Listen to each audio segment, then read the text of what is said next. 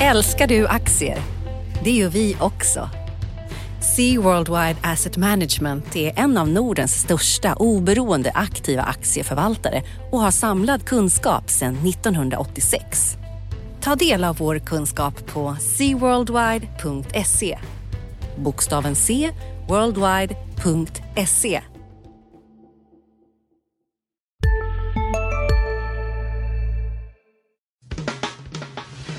Analyspodden från Dagens Industri. Hej allihopa och välkommen till Dagens Industris analyspodd som vi kör varje fredag i stort sett. Kanske inte när det är som varmast på sommaren, men vi kör nu och vi kör även när det är sportlov i Stockholm här nästa vecka. Jag heter Ulf Pettersson och idag har jag med mig vår makro ränte valutaexpert Viktor Munkhammar. God morgon Ulf, god morgon. Allt väl? Ja, eh, det får man säga. Mm. Vad tycker du vi ska prata om den här veckan? Ja, vi kan väl prata om det som många andra pratat om. Det blir lätt så. Det har ju varit eh, väldigt mycket snack om risken för Brexit, det vill säga att Storbritannien ska lämna EU. Yes. Eh, det har varit en, en rörig vecka på råvarumarknaderna, framförallt olja då. Just det. Eh, och det har märkts också på börserna. Mm. Eh, ja, och om vi har tid så skulle vi ju kunna prata lite om att eh, Riksgälden, det vill säga de gör en massa saker men de bland annat sköter de upplåningen åt svenska staten, tror att det blir överskott i statsfinanserna i år plötsligt. Just det. Eh, och det har lite olika orsaker kan man Och, säga. och så får vi prata lite börs också, för det har varit när vi gick in i studion här för en liten stund sedan så var börsen upp över 1% och skulle den fortsätta så när vi stänger här på fredag eftermiddag för, för helgledighet då har vi haft fem dagar, eh, samtliga dagar den här börsveckan eh, med rörelse på mer än 1 procent. Det har ju stigit några dagar och fallit några dagar. Eh, men alla dagar har rört sig mer än 1 procent och det är väldigt ovanligt faktiskt. Det händer kanske tre, fyra gånger om året att man har en svit av så stora rörelser. Så det kanske vi också ska prata lite om. Men ska vi börja med Brexit, för det var ju ändå det, det var ju i söndags kväll vill jag minnas att han, eh, Boris Johnson, som, han är inte helt olik eh, Donald Trump till eh, frisyren va? Det är ljust. En allmänt yvig person kan man väl säga. Eh, borgmästare i London, eh, tidigare journalist. Han skriver fortfarande en spalt i The Telegraph. Eh, ja, han kom ju ut och sa att han kommer att arbeta för att Storbritannien ska lämna EU. Och han är en väldigt synlig och populär person, eh, hör till det konservativa partiet, men eh, lite av en ärkefiende till David Cameron, premiärministern. Eh, och bara hans eh, announcement eh, fick pundet att tappa 20 öre sen när handeln öppnade mot kronan. Just det. Eh, Så det, det anses ju då av marknaderna öka risken för att det blir en sån här Brexit. Det är förstås inte bara Boris Johnson det handlar om. Men nu Nej, men liksom han är, han är igång. ganska viktig, det är ändå en Ja, det var en viktig röst som kom ut. På, Det, det, på han tillhör sida. etablissemanget och gick på, mot etablissemanget så att säga. Mm. Mm. Eh, den som hade varit ännu värre för, för Cameron hade väl varit eh, eh, Drottningen. Drott, drottningen ja. Ja. Mm. Men han var nog nästan två eller tre där. Blair kanske också. Men, eh, Ja, men ja, det beror på vad han hade sagt tror jag. Ja. De gillar väl inget som Blair säger. Nej. Tror jag. Ja. Okej, Nåja. men, nå- nåväl, men du, eh, eh, och eh, det kan du bättre, men jag vill minnas att eh, eh, de senaste opinionsundersökningarna här är då för en Brexit, alltså att EU, britterna kommer lämna E EU. Ja, det är, inte, det, det är ju en väldig massa opinionsmätningar och eh, om man ska väga samman dem så tror jag fortfarande det är så att, att det är en li, liten övervikt. I alla fall om man tittar på sådant som görs per telefon. Okej. På nätet som ju är svängigare så tror jag det har varit för Brexit. Men så är det nog fortfarande en övervikt för Remain, alltså bli, bli kvar. Men trenden är den att det jämnar ut sig och det man väl får ställa in sig på att det kommer vara ett väldigt, väldigt osäkert läge. Och dessutom så är det ju så att vi har ju sett hur opinionsinstituten har misslyckats på många håll runt om i världen den senaste tiden, inte minst i det brittiska valet i fjol. Just det. Eh, så att frågan är om man ens kan lita på vad opinionsmätningarna Och- och- säger. Men och- osäkert i alla fall kan vi nog utgå ifrån. Och vad tror du, nu är det eh, exakt nästan fyra månader kvar tills valet då. Ge mig din bild här, vad är det som, hur kommer de där fyra månaderna präglas och eh, hur tror du utgången blir och vad händer om det blir ett ja respektive nej? Var många frågor. Fyra frågor än. Ja, nej, men det kommer väl präglas av en massa kampanjande. Ja.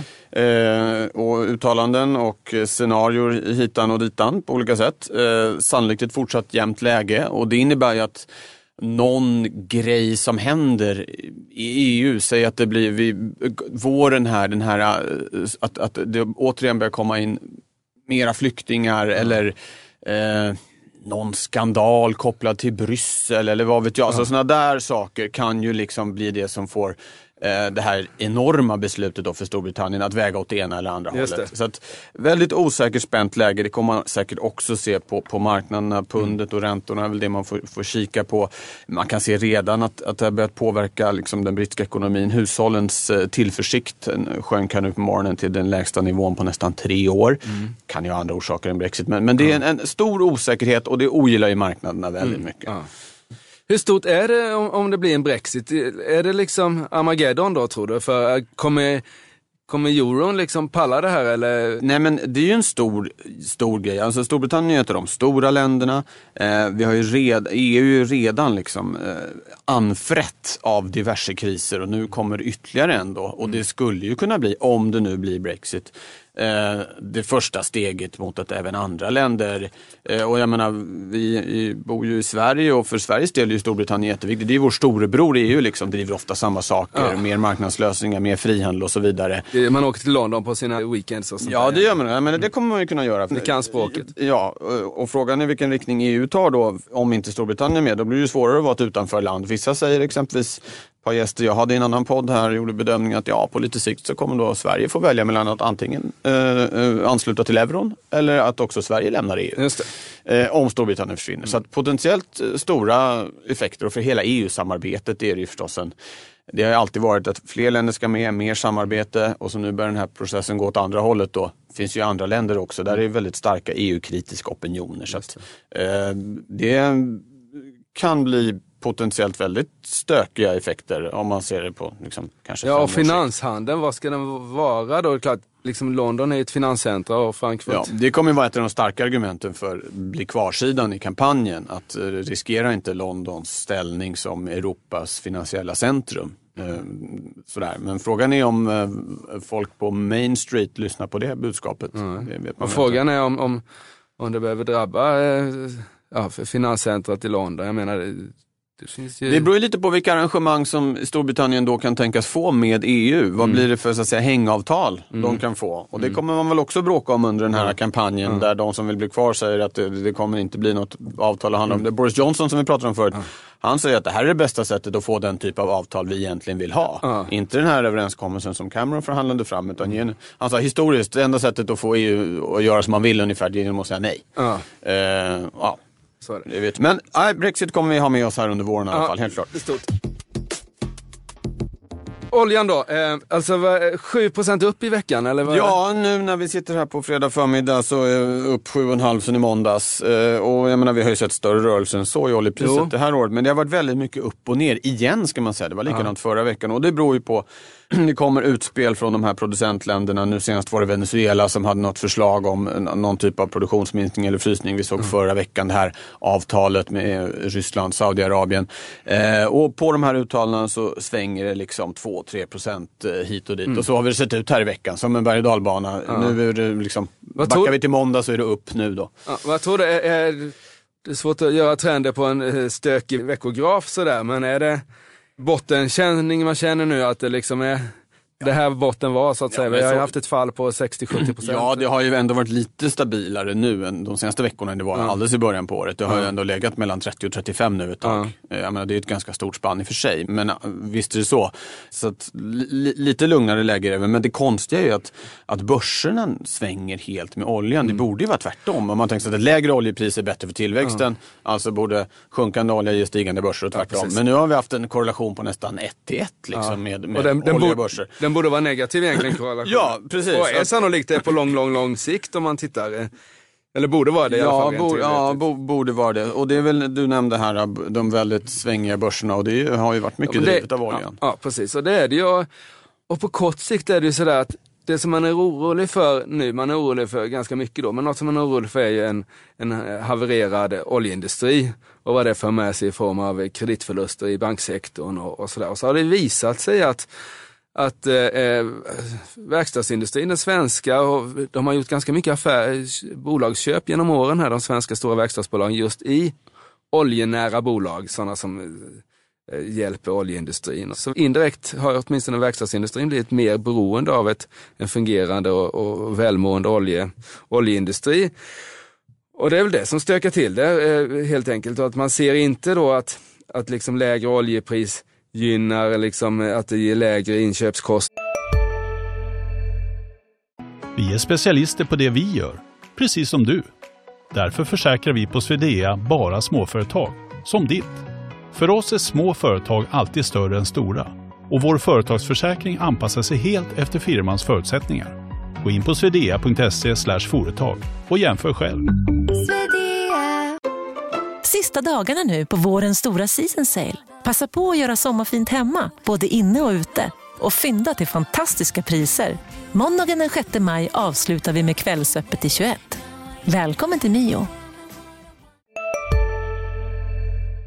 För, för, för liksom insatsvaror och sånt där, vilket också borde göra lite grann. Men, men så är det inte, utan det är liksom, man tittar på, på efterfrågan från sina kunder och då, då ser det ut så här. Eh, det är lite också att fall oljepriset så är man, eh, sista året här har man liksom, ja men det är en indikator på att ekonomin är på väg ner då i världen och stiger den nu så kanske man ser det som att den är på väg lite upp sådär. Så det har blivit en, fel eller rätt, en, en indikator på världsekonomin och därmed får den ja, stora effekter det, på det, börsen. Det, det där är ju två sidor i oljepriset, Ut, utbudet och, och efterfrågan. Och ja. det du nämner nu är ju efterfrågan då, där ja. man tänkt sig att ett lägre oljepris skulle vara en signal om, mm. om lägre efterfrågan och därför borde börserna sjunka. Men, men, på, men, men, nu har det ju framförallt handlat om en, en utbudsfråga. Hur mycket ska de här länderna, ska de fortsätta att ligga och pumpa upp? menar, säg Saudiarabien, de har en kostnad på 10-12 dollar per fat att ta upp. Mm. Eh, och de har jättestora problem i statsfinanserna för, på grund av att oljepriset har rasat. Eh, om man tänker sig, ska de låta det här ligga kvar i marken 20 år till? Vad tror vi då om oljepriset med tanke på allt som händer i bilindustrin med mm. elbilar och sånt där? Mm. Det är väl egentligen kanske deras perspektiv lika bra att ta upp det medan det fortfarande är värt något. Eh, om det Precis. blir några pengar över investerar de i någonting som kan ge bättre avkastning, ja, kan man ju tänka. Precis. Ja, så, så kan de ju tänka att det inte är värt. Å andra sidan så kan man också tänka varför folk var beredda att köpa oljan för ett år sedan för 90 dollar. Varför ska man liksom skälpa sig själv genom att producera för fullt till 35 liksom. Så det är lite tidsperspektivet här. Mm. Men det känns som att Saudiarabien har ju liksom inte riktigt hanterat sin olja. De fick ju liksom världens eh, frispark, straffspark här då på, vad är det, 50-talet eller 40-talet eller 30-talet när man liksom insåg att all den lättillgängliga oljan finns där då, men de har ju liksom inte skapat mycket eh, beständigt av alla dessa Det går ju igen för många sådana här, man tittar på Venezuela. Ja. Det är brödbrist i Venezuela. Ja. Ett av världens liksom, turligaste ja. länder på det spåret med, med all olja där som inte har hanterats bra. Ryssland är, lite... är ett annat sånt här land som inte har lyckats diversifiera sin ekonomi mm. under de här fantastiska energiåren. Och sådär. Norge är ju ett undantag där. De har faktiskt kvar sina pengar och nu, de har väl liksom inte lyckats ta fram några stora läkemedelsbolag eller andra liksom högkvalificerade bolag i andra sektorer. Men, men likväl, de har ändå pengarna kvar till skillnad från de andra.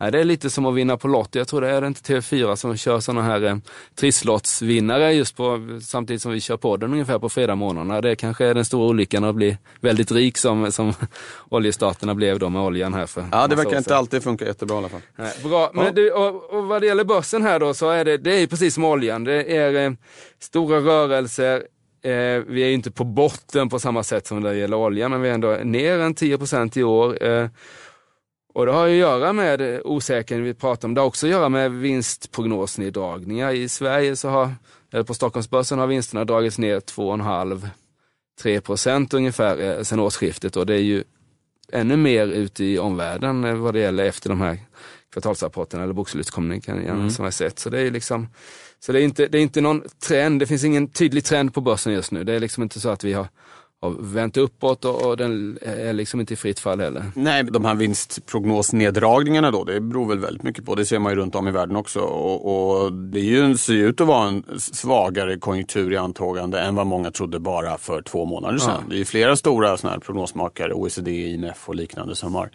dragit ner sina prognoser för den globala tillväxten. Och det, det, är Kina förstås och det är Sydamerika men lite USA också eller? eller? Ja, det har varit lite orosmoln i USA. Där är det väl det är ju lite blandad statistik ska man mm. säga. Arbetsmarknaden ja. är fortfarande väldigt stark. Ja. Eh, andra indikatorer är mindre bra.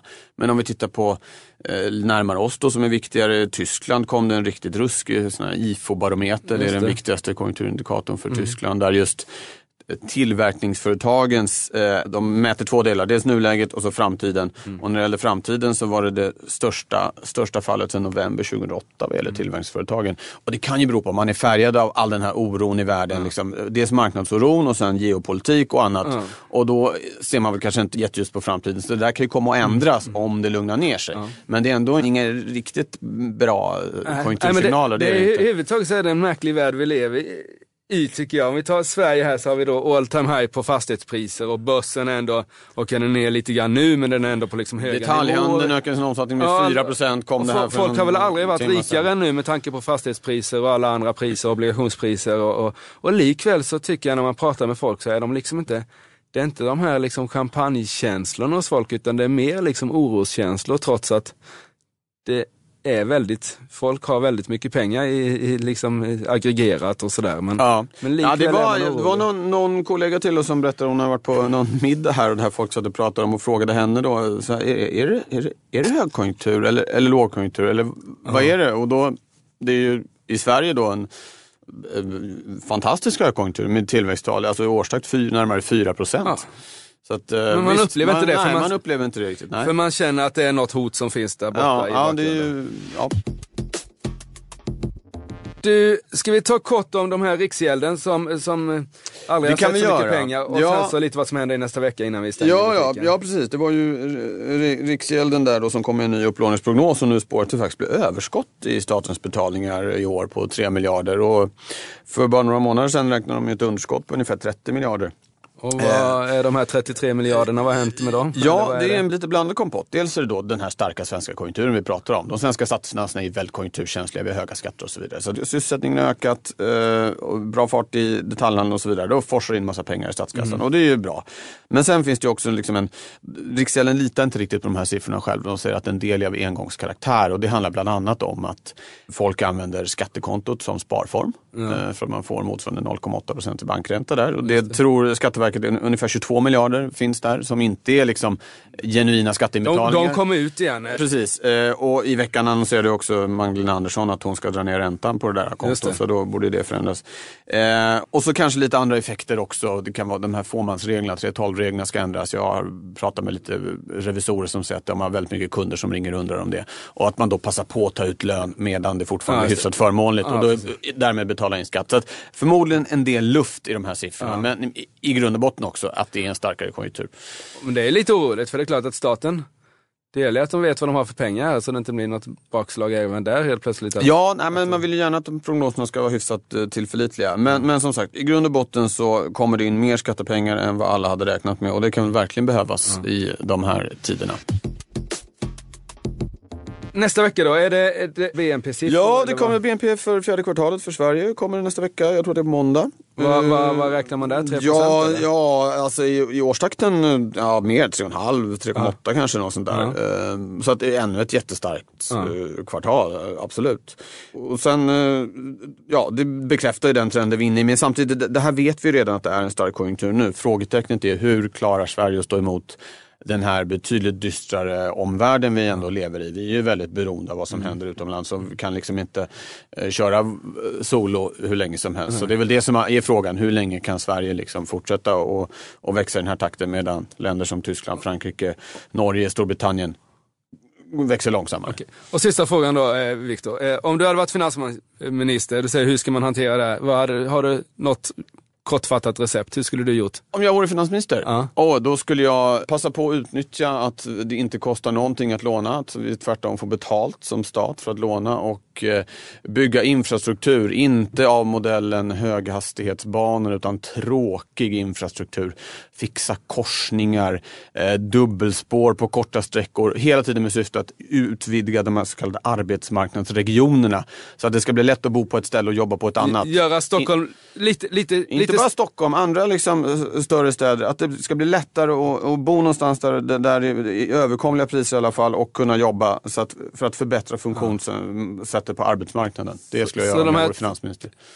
Tre, fyra, fem milen från de här fem, sex stora eh, storstadsklusterna skulle vara smidig, smidig Ja, att kunna enkelt pendla med kollektivtrafik eller bil eller cykel eller vad man nu vill. Och då får man ja. många, många effekter. Man, man, man kanske slipper en bostadsbubbla så eh, därför. I alla fall Exempelvis. mindre att det blir, ja, säg att man får ett jobb i Stockholm, ska man flytta hit så ska man betala 100 miljoner eller vad det kostar nu att köpa en etta i innerstan. Ja. Eh, om man då istället att det blir rimligt att liksom bosätta sig i Nynäshamn eller någonting, eh, eller vad det nu är, och ändå kunna ha ett jobb i, i Stockholm. Ja. Eh, så, sådana saker, och liknande då, för det är inte bara Stockholm, Malmö, Göteborg Ja, med mera. Med det. mera. Eh, det skulle jag göra.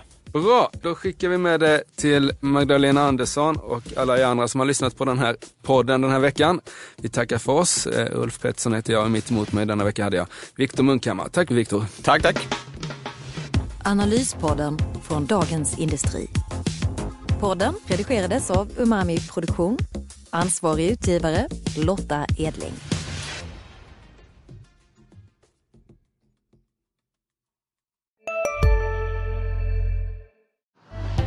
Älskar du aktier? Det gör vi också. Sea Worldwide Asset Management är en av Nordens största oberoende aktiva aktieförvaltare och har samlad kunskap sedan 1986. Ta del av vår kunskap på seaworldwide.se. Bokstaven C, worldwide.se